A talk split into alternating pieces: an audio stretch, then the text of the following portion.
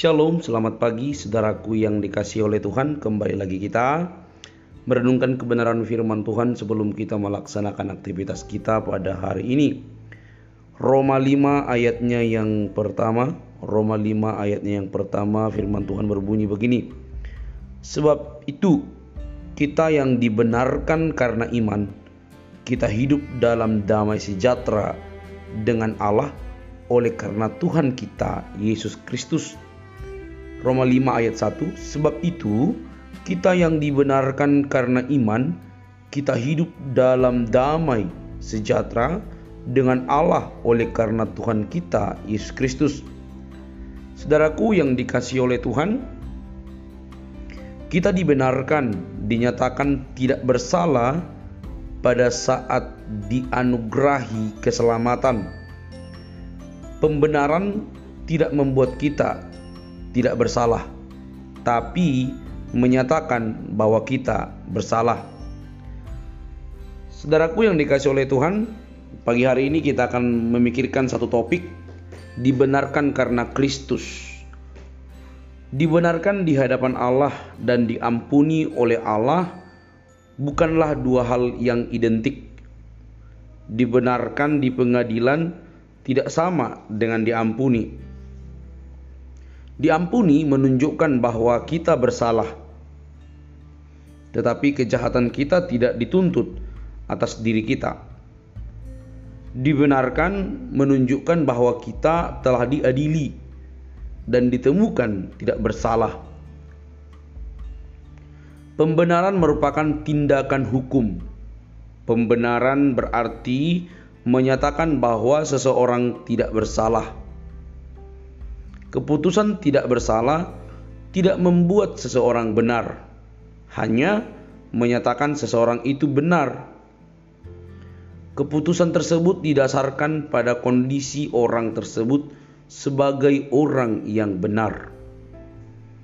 Kita disebut orang benar bukan karena kita hidup benar, tetapi ketika kita menerima Kristus dan hidup di dalam Kristus, percaya kepada Kristus, tinggal di dalam Kristus, maka karena Allah melihat iman kepada Kristus, itulah yang menyatakan kita sebagai orang yang sudah dibenarkan. Garis bawahi, karena Kristus kita dibenarkan. Dalam Lukas 7 ayat 29 ketika orang banyak mendengar pengajaran Yesus, mereka mengakui kebenaran dalam kurung membenarkan Allah. Itu tidak berarti mereka membuat Allah menjadi benar. Karena Allah memang benar gitu. Tetapi itu berarti mereka menyatakan bahwa Allah itu adalah benar. Allah berkata, membenarkan orang fasik adalah kekejian bagi Tuhan. Amsal 17 ayat 15. Tetapi yang menakjubkan adalah bahwa Alkitab juga berkata bahwa dikarenakan Kristus Allah membenarkan orang durhaka yang beriman kepadanya. Roma 4 ayat 5. Perhatikan baik-baik bahwa inilah posisi kita. Bahwa Allah di dalam Kristus membenarkan orang durhaka seperti kita karena kita beriman kepadanya. Jadi Allah melakukan hal itu kelihatannya jahat. Tetapi Allah tidak mungkin melakukan yang jahat Roma 3 ayat 26 maksudnya ialah untuk menunjukkan keadilannya pada masa ini supaya nyata bahwa ia benar dan juga membenarkan orang yang percaya kepada Yesus. Saudaraku yang dikasih oleh Tuhan, pengajaran kekristenan selalu didasarkan bahwa kita dibenarkan karena Kristus yang mati bagi kita, bangkit bagi kita. Karena Kristus kita dibenarkan bukan karena perbuatan baik yang kita lakukan. Kita dibenarkan karena dosa kita sudah dihapus oleh pengorbanan Kristus.